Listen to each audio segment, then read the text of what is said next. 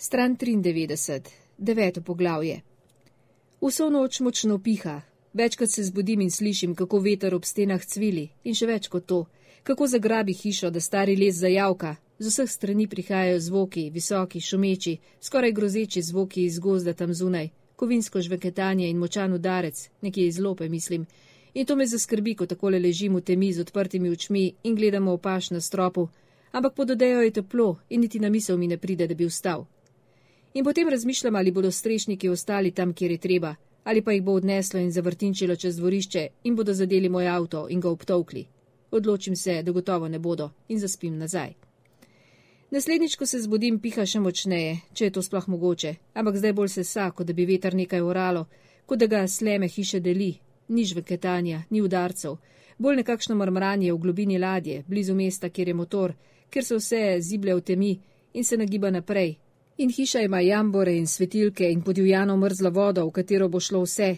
In to mi je všeč, rad potujem z ladjo in mogoče vseeno nisem tako zelo buden. Ko zadnjikrat odprem oči, je ura osem, zame je to pozno, veliko prepozno.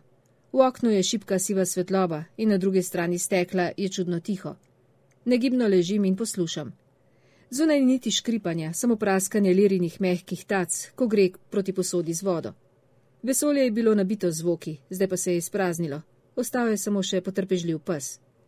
Pije in govta tako, da jo dobro slišim, potem pa tiho in diskretno zacvili, ko mi pove, da bi rada šla ven in opravila tisto, česar ne more upraviti notri, če mi ne bo preveč v nadligo.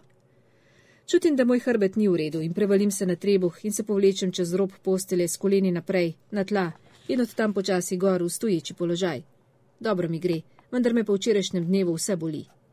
Boz grem v kuhinjo in mimo psa in ven na hodnik. Pridi, Lira, rečem, in ona priteca za mano. Odprem vhodna vrata in jo spustim v mrak. Potem grem nazaj in se oblečem, odprem zaboj za drva, kjer je k sreči ravno dovolj polen in zakurim v peči, tako sistematično kot le zmorem. Nikoli mi ne uspe v prvem poskusu, očetu je pa vedno, ampak če imaš dovolj časa, na koncu seveda vedno zagori. Moji sestri to ni nikoli uspelo. Suhega lesa je imela na pretek, pa časopisni papir in peč, ki je dobro vlekla, pa nikoli ni zagorelo nič drugega kot papir. Kako sploh izbruhne požar, mi lahko to razložiš, je rekla. Pogrešam sestro. Tudi ona je umrla pred tremi leti. Za rakom. Nič niso mogli storiti, veliko prepozno je prišla k zdravniku. Z mojo ženo sta postali dobri prijateljici. Zvečer sta pogosto klepetali po telefonu in razpravljali o poteh sveta. Včasih ste razpravljali o meni in se od srca nasmejali fantu s polnimi žepi zlata, kot sta me klicali. Vedno si bil fant s polnimi žepi zlata, tega ne moreš zanikati, ste rekli in se smejali. Mislim, da je ta izraz prva uporabila sestra. Meni je bilo prav, nikoli ni bilo bodicu smehu, samo duhovitost in prijazno draženje. Sam sem bil vedno bolj resne narave, ampak tudi tega je lahko hitro preveč. Pa še prav ste imeli, res sem imel srečo, to sem že povedal. V enem mesecu sta obe umrli in po njuni smrti mi pravzaprav ni bilo do tega, da bi se še s kom pogovarjal. Ne vem prav, o čem naj bi govoril. To je tudi eden od razlogov, zakaj živim tukaj. Drugi razlog je gost. Bil je del mojega življenja pred mnogo leti, tako kot ni pozneje bilo nič več. Potem pa ga dolgo ni bilo. In ko je nenadoma okoli mene postalo popolnoma tiho, sem dojel, kako zelo sem ga pogrešal. Kmalo nisem mislil na nič drugega več in da ne bi še takoj sam umrl, sem moral gost. Tako sem občutil, tako preprosto je bilo, še vedno je. Prižgem radio, sredi jutrenih poročil je. Na grozni dežujejo ruske granate, že spet so na delu. Ampak nikoli ne bodo zmagali, ne za dolgo, to se razume samo po sebi. Že Tolsto je to razumel v Hadži Muratu in ta knjiga je nastala pred stoletji. Pravzaprav je nerazumljivo, da se velike države ne morejo naučiti lekcije, da bodo na koncu same razpadle. Ampak jasno, Čečenijo lahko popolnoma uničijo. To je danes bolj izvedljivo kot pred stoletji. V peči prijetno presketa. Odprem škatlo s kruhom in si odrežem nekaj kosov, pristavim vodo za kavo, potem pa slišim Liro, ki nakratko zalaja na pragu. To je njen način, da pozvoni pri vratih in lahko ga je razločiti od drugih zvokov, ki jih daje od sebe. Spustim jo noter. Gre k peči in leže tja, kjer se počasi širi toplota. Sebi pripravim zajtrk in napolnim lirino skledo, ampak počakati mora, da bo na vrsti. Jaz sem glavni prvi jem jaz. Od gozda se da ni. Nagnem se naprej in pogledam skozi okno in sem kar precej usupal nad tem, kar vidim v jutranji svetlobi. Drevo na mojem dvorišču, velika stara breza, se je v močnem vetru podrlo in neresnično ogromno leži med lopo in avtom.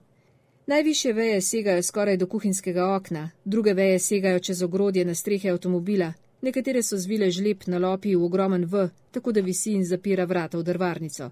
Dobro, da sem napolnil zaboj v hiši. To seveda pojasni nočni udarec. Avtomatično ostanem in se napotim ven, ampak zdaj seveda nima nobenega pomena. Breza ne bo nikamor šla. Zato spet sedem in jem naprej in gledam skozi okno, medtem ko načrtujem, kako bom velikana, ki je k počitku legal na mojem dvorišču, spravil stran.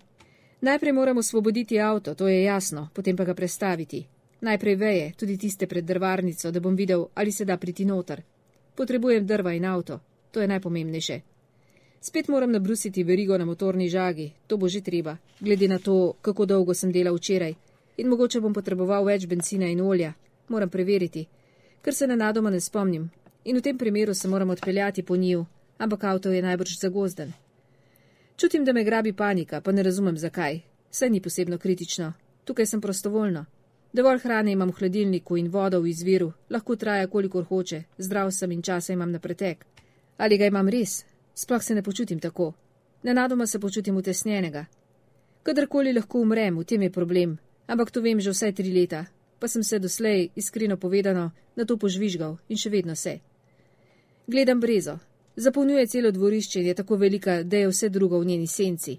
Hitro vstanem od mize in grem v spalnico in oblečen ležem na posteljo, kar je proti pravilom, ki se jih poskušam držati, in strmim v strop in v glavi se mi vrti, kot kolo pri ruleti in kroglica skače od rdečega na črno, na rdeče in se končno ustavi v skledici. In to je seveda skledica poletja 1948 ali bolj natančno dne, ko se je poletje končalo. Stal sem pod hrastom pred trgovino in gledal gor in videl sem, kako svetloba v izmeničnih žarkih brenči skozi valovanje listja, ko zapiha veter in spet poneha. In to me je umešalo v iskrice in moral sem pomežikniti in pritekle so mi solze in zaprl sem oči in čutil rdečo toploto na vekah in slišal sem reko za sabo, ki sem jo slišal vsak dan skoraj dva meseca in razmišljal sem, kako bo, ko je ne bom več slišal. Pod hrastom je bilo toplo, čutil sem utrujenost. Zgodaj sva vstala in skoraj brez besed pozajtrkovala in potem sva šla od koče po makadamski poti k mostu in mimo Franceve hiše, kjer je sonce sijalo skozi odprta vrata, v svetli črti čez preprogo in po strani po steni, ampak njega ni bilo nikjer in to me je užalostilo. Avtobus s prižganim motorjem je stal na soncu in se cvrl. Jaz bom šel domov, vso dolgo pot iz vasi v Oslo, s prestopom na vlak v Elverumu. Oče je stal tik za mano na trgu pred trgovino, z roko na moji glavi, narahlo mi je kuštral lase, nagnil se je naprej in rekel: Vse bo šlo. Veš, kje moraš v Elverumu izstopiti, na kateri vlak moraš in odkot gre vlak in kdaj odpelje. In potem je tako nadaljeval še z več podrobnostmi in vse to je povedal, kot da nekaj pomeni, kot da tega potovanja pri svojih 15 letih ne bi zmogel brez navodil. V resnici sem se počutil veliko starejšega, a nisem vedel za noben način, kako bi to lahko pokazal, pa tudi če bi pokazal, on tega ne bi bil sposoben sprejeti. To je pa bilo poletje, je rekel, to pa že lahko rečeva. Še vedno je stal za mano, z roko na mojih laseh, ampak njih več kuštral, samo trdno jih je držal, da je skoraj bolelo, in mislim, da tega ni vedel, jaz pa nisem rekel ničesar, da bi me spustil. Spet se je nagnil naprej in rekel: Ampak takšno je življenje. Tako se učiš, kadar se kaj zgodi, posebno v tvoje starosti. Samo sprejeti moraš stvari takšne, kot so in pozneje razmisliti o njih in jih ne pozabiti in nikoli ne smeš biti zagrenjen. Lahko razmišljaš, razumeš? Ja, sem glasno rekel. Razumeš, je rekel in jaz sem še enkrat rekel ja in pokimal in takrat je ugotovil, kako močno me drži za lase in izpustil me je s kratkim smehom, ki si ga nisem mogel razložiti, ker nisem videl njegovega obraza. In jaz sem poslušal, kaj govori, ampak nisem bil prepričan, da ga razumem. Le kako bi lahko. In nisem razumel, zakaj je uporabil prav te besede, ampak na nje sem odtlej mislil že tisočkrat, kajti takoj zatem me je strnim prijemom okoli ram obrnil in me še enkrat pogladil po laseh, medtem ko me je skoraj mežikaje gledal v oči, s tistim polovičnim nasmehom na ustnicah, ki mi je bil tako všeč. Rekel je: Zdaj boš šel s tem avtobusom in v Ilverumu boš prestopil na vlak in odpotoval domov v Oslo, jaz pa bom dokončal tukaj in ko bo upravljeno, pridem za tabo. Je tako v redu? Ja, sem rekel. In na dnu trebuha sem imel ledeneč občutek, ker ni bilo v redu. Te besede sem slišal že prej in veliko vprašanje, ki sem si ga pozneje vedno znova zastavljal, je bilo, ali so se zgodile stvari, ki jih ni mogel nadzorovati, ali pa je že takrat vedel, da mi nikoli ne bo sledil, da se vidiva zadnjič. Deveto poglavje nadaljujem na strani 98. Seveda sem se povspel v avtobus in se usedel na sedež s torbo v naročju in se obrnil in strmel skozi okno na trgovino in most čez reko in na očeta, ki je visok in črnolas v migljanju senc stal pod hrastom. In na nebo, ki še nikoli ni bilo bolj širno ali bolj temno modro kot poleti 1948 nad prav to vasjo. In potem je avtobus speljal v velikem polkrogu na cesto.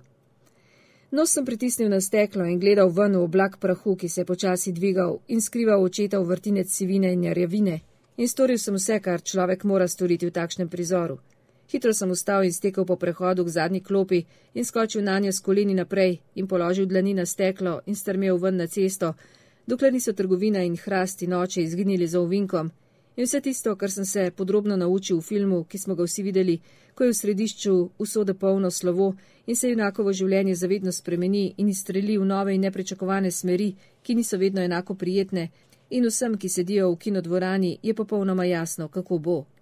In nekateri si z dlanjo pokrijejo usta, nekateri žvečejo robce, medtem ko jim iz oči tečejo solze, in nekateri za manj poskušajo pogotniti smog, ki ga imajo v grlu, medtem ko mežikajo platno, ki se razpusti v vazo baru. Spet drugi so tako razjarjeni, da skoraj vstanejo in odidejo iz kina, ker so bili zraven pri čem takem v lastnem življenju in niso nikoli odpustili. In eden od teh skoči po konci svojega sedeža v temi in zaupije, ti kurd zajeban proti moškemu pod hrastom, ki se zdaj vidi za njegovo glavo, in to stori zaradi sebe in zaradi mene in hvaležen sem za podporo. Ampak povedati hočem, da takrat seveda nisem vedel, kako bo. Nihče mi ni povedal. In nobenih možnosti nisem imel, da bi vedel, kaj vsebuje ta prizor, ki sem ga pravkar preživel. Samo tekal sem sem in tja med sedežem in zadnjim oknom, z nenadnim zbeganim nemirom v telesu. In sedel sem in spet vstal in hodil sem gor in dol po prehodu in se usedel nekam čisto drugam in vstal tudi z tega sedeža in tako sem nadaljeval, dokler sem bil sam v avtobusu. Videl sem, da mi voznik v ogledalu sledi z očmi, medtem ko hkrati poskuša voziti po ovinkasti poti in da mu gre na živce, ampak ne more nehati gledati, a rekel ni nič. Potem pa sta na postaji na pol poti do Inbigde, kjer reka zavije in se izgubi nazaj proti Švedski, vstopili dve družini in s sabo sta imeli otroke in pse in celo goro torb, in ena ženska je imela v kletki kokoš in ta je kokodakala in kokodakala, in takrat sem se prisilil, da sem mirno obsedel na svojem mestu in končno sem zaspal naslonjen na steklo, ki me je med tresanjem trkalo po glavi, dizelski motor pa je brneče prepeval v mojih ušesih. Odprem oči, glava mi težko leži na blazini. Zaspal sem, dvignem roko in pogledam na uro. Samo pol ure, ampak tudi to je nenavadno. Se sem šele vstal in to prepozno. Sem bil tako izčrpan. Na okenskem okvirju je čisto svetlo. Hitro sedem in istočasno zavihtim noge čez rob postelje, potem pa se mi nenadoma zvrti v glavi in odjadram naprej in se ne morem ustaviti, za očmi se mi zabliska in z ramo naprej padem na tla. Samega sebe slišim, kako glasno in čudno neznano zastokam, ko padem. In potem ležim tam, boli tudi, drek. Previdno diham, ne da bi se napel. Ni lahko, prekmalo je, da bi umrl. Samo 67 let imam, zdrav sem. Trikrat na dan peljem liro na sprehod, zdravo jem, že 20 let ne kadim. To bi moralo biti dovolj. Vsekakor nočem umreti na tak način, v takšnem ležečem položaju. Zdaj bi se že moral premakniti, ampak se ne upam, ker mi morda ne bo uspelo in kaj bom potem. Še telefona nimam. Odločitev kar prelagam, nočem biti dosegljiv. Ampak tako seveda tudi drugi niso dosegljivi zame. To je samo po sebi umevno. Predvsem točno zdaj le. Zaprem oči in čisto mirno obležim. Tla pod licem so mrzla, smrdi po prahu. Slišim Liro, kako diha v kuhinji pri peči, Že zdavnaj bi morala iti na sprehod, ampak je potrpežljiva in nesitnari. Čutim rahlo slabost. To je morda simptom, ki bi mi moral kaj povedati. Ničesar mi ne pove, samo slabo mi je. Potem se razjezim in trdno zaprem oči in se zagledam navznoter in se zavrtim, tako da so kolena pod mano, z roko se oprem na podboj in previdno ostanem. Kolena se mi tresajo, ampak gre. Veke tiščim skupaj, dokler se mi posem ne neha vrteti, Potem pa odprem oči in zagledam Liro, ki stoji pred mano na kuhinjskih tleh in me po strani pazljivo opazuje s svojimi pametnimi očmi. Good dog, rečem ne, da bi se spačil, zdaj pa greva. In greva. Jaz grem na hodnik, še vedno nekoliko mehkih nog, in oblečem si suknič in ga brez prevelikih težav zapnem in grem ven na prak. Lira pa tik za mano in si obujem škornje. Pazljivo poslušam svoje telo, da bi videl, ali se je v natančno nastavljenem stroju, kakršen je staro telo, kaj pokvarilo, ampak ni lahko vedeti. Razen slabosti in boleče rame je vse videti normalno.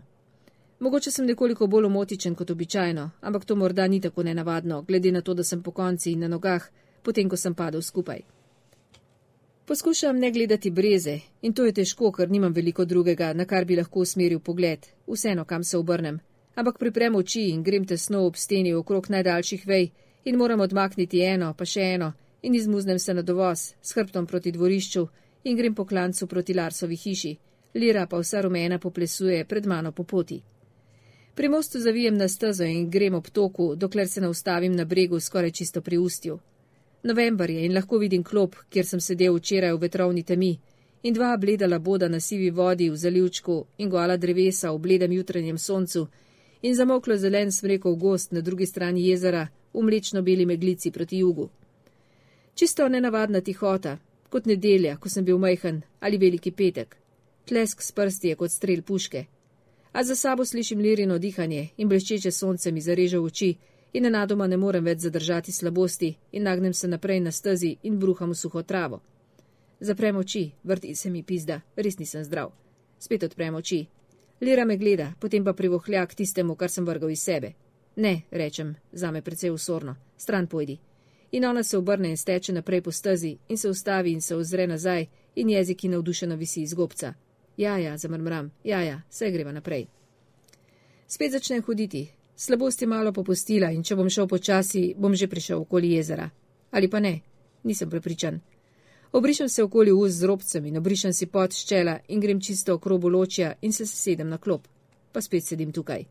Prileti labot. Jezero bo kmalo zaledenelo. Zaprem oči. Nenadoma se spomnim sanj, ki sem jih imel to noč. Čudno, nisem se spomnil, ko sem se zbudil, zdaj pa so čisto jasne. Bil sem v spalnici s svojo prvo ženo, ampak to ni bila najna spalnica. Bila sva veliko mlajša od 40, to sem čutil na telesu. Pravkar sem spala skupaj, naredil sem, kar sem mogel, in običajno je to več kot zadostovalo, vsaj mislim se tako. Ležala je v posteli, jaz pa sem stal pri predalniku, kjer sem se videl v gledalu, celega razen glave, in v sanjah sem bil videti v redu, boljše kot v resnici. Ona je odgrnila odejo in bila je gola, in tudi ona je bila lepa, zelo lepa, skoraj tuja in nečisto tista, s katero sem bil še pravkar. Pogledala me je s pogledom, ki sem se ga vedno bal in rekla: Se si vendar samo eden od mnogih. Sedla je in bila je gola in težka na način, ki sem ga poznal. Napolnila me je z naveličanostjo čisto do grla in strahom hkrati.